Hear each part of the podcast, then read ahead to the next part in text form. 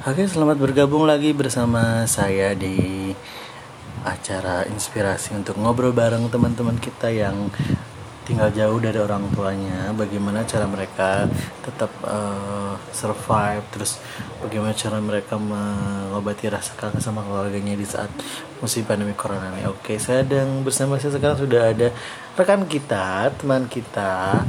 Uh, Oke, kita kenal aja langsung ya. Oke, Mas, siapa mas namanya, Mas? Oke, nama saya Dwi Prabowo. Nah, Dwi Prabowo dari mana, Mas? Asal Banjarnegara. Banjarnegara ngomongnya bedok banget ya. Oke, eh, pekerjaannya sebagai apa? Sebagai buruh pabrik di sini. Buruh pabrik di sini. Oh, di daerah mana? Cikarang ya? Daerah Cikarang. Uh, eh, kerjanya di bidang apa itu? Di bidang mebel. Produksi mebel. mebel. Terus eh saat pandemi corona ini sempat sempat terdampak nggak mas? Oh sempat banget diliburin selama tiga bulan lebih. Selama tiga bulan.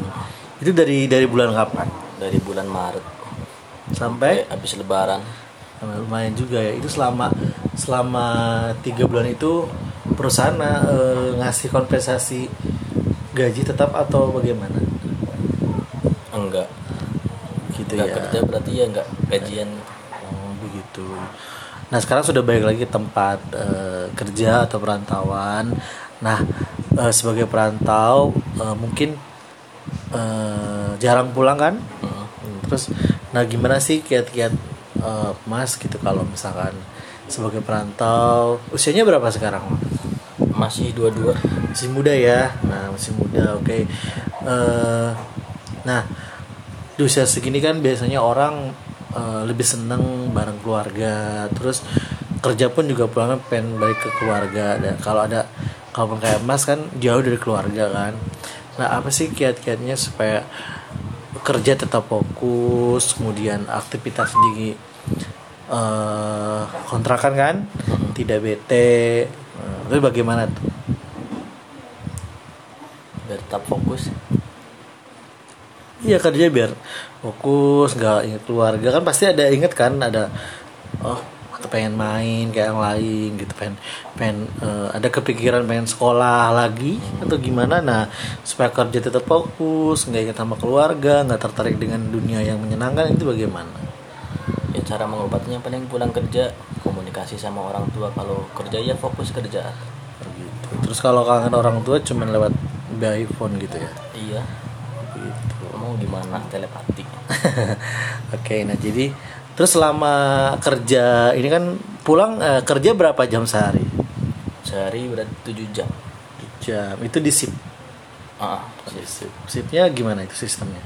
Kalau shift pagi 7 jam, kalau shift siang berarti enam setengah jam. Setengah jam. Oke.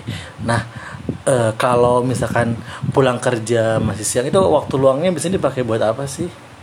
Buat istirahat. Kalau enggak ya sambil komunikasi ya sama orang tua. Hmm, terus eh, selain itu ada kegiatan apa lagi? Ada jualan online. Oke, jadi produktif ya Mas ya.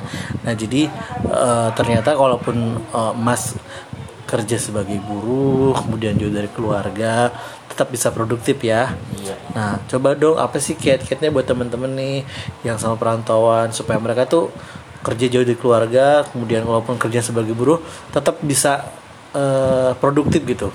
Kiatnya bagaimana apa? Tiduran mulu, mulu atau main game mulu atau gimana? Supaya dianya rajin gimana tuh? Aja tergantung diri masing-masing sih. Merantau niatnya mau apa gitu.